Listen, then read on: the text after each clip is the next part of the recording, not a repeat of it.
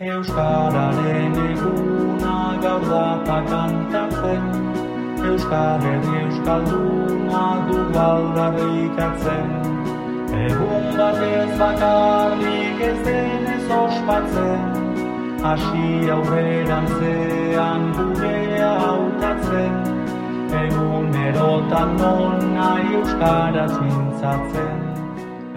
Euskararen nazioarteko eguna laizter dugu gure artean, Datorren ostiralean, abenduaren iruan, ospatuko dugu Euskal Herriko txoko eta bazterretan. Baina baita Euskal Herritik kanpokoetan ere.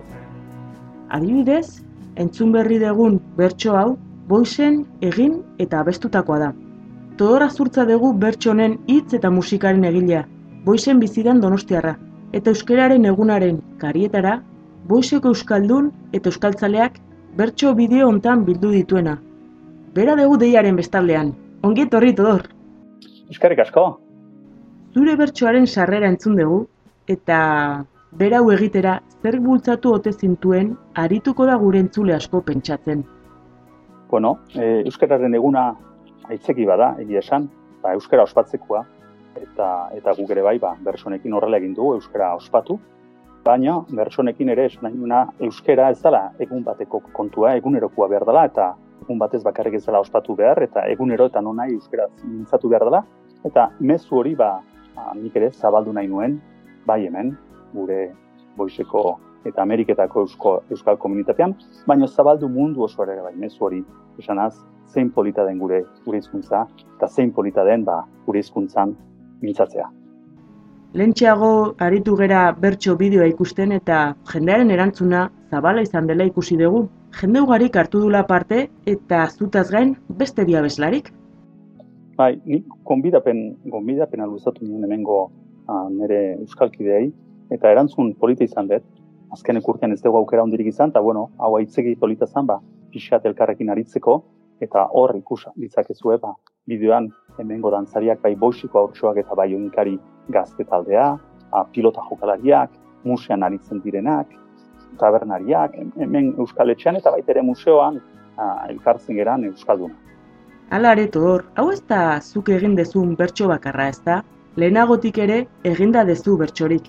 Egun edota ekimen berizeterako egindakoa dira hoiek ere? Ez da lehena, induan lehena, eta eta espero dut izazkena izatea ez da. ba, bai, bertsoa itza gauza derra da, nire ustez Euskal kulturaren bueno, oinarritako bat edo euskal edo euskera eusteko modu bat izan ere ba bertsolaritzarekin ba euskera bizirik mantentzen dugulako eta euskararekin ere bertsolaritza bizirik mantentzen baina bueno. Eta ni bersoak egiten ditut ba inspirazioa datorki dainean batez ere horietako ekintzarako baino egunero ere aritzen naiz hementxe edo bestela beste ere internetez Skype bidez aritzen naiz lagun batzuekin ere bertsolaritza ikasten bertsolaritza garatzen eta euskera bizirik mantentzen Gure entzulek entzun eta ikusi nahiko balute, nun ikus lezakete egindako bertso bideo? Bai, bideo hau nik nire uh, YouTubeko kanalean argitaratu dut. Todor Azurtza Sorrondegi kanalean. Baina horretaz gain aukerak badaude interneten hori hori ikusteko eta ea ba zuetako askok ikusten duen eta zuetako askok ere ba gozatzen duen Zuk esan bezala, ez bedi azkena izan, eta gure partetik eskerrik asko, eta hurrengo batean ere, boisekoen berri izaten jarrai dezagula. Ondo espatu abenduaren iruan bai Xabierko Frantzisko eguna, eta baita euskararen nazioarteko egunare. Besarka da berua donostiatik, Todor? Besarka da handi bat zuei, zuek ere ba, goza dezazuela euskararen eguna, esandakoa, ez da egun bateko kontua, egunero erabili dezagun gure hizkuntza, gora gu eta gora euskara. Zergatik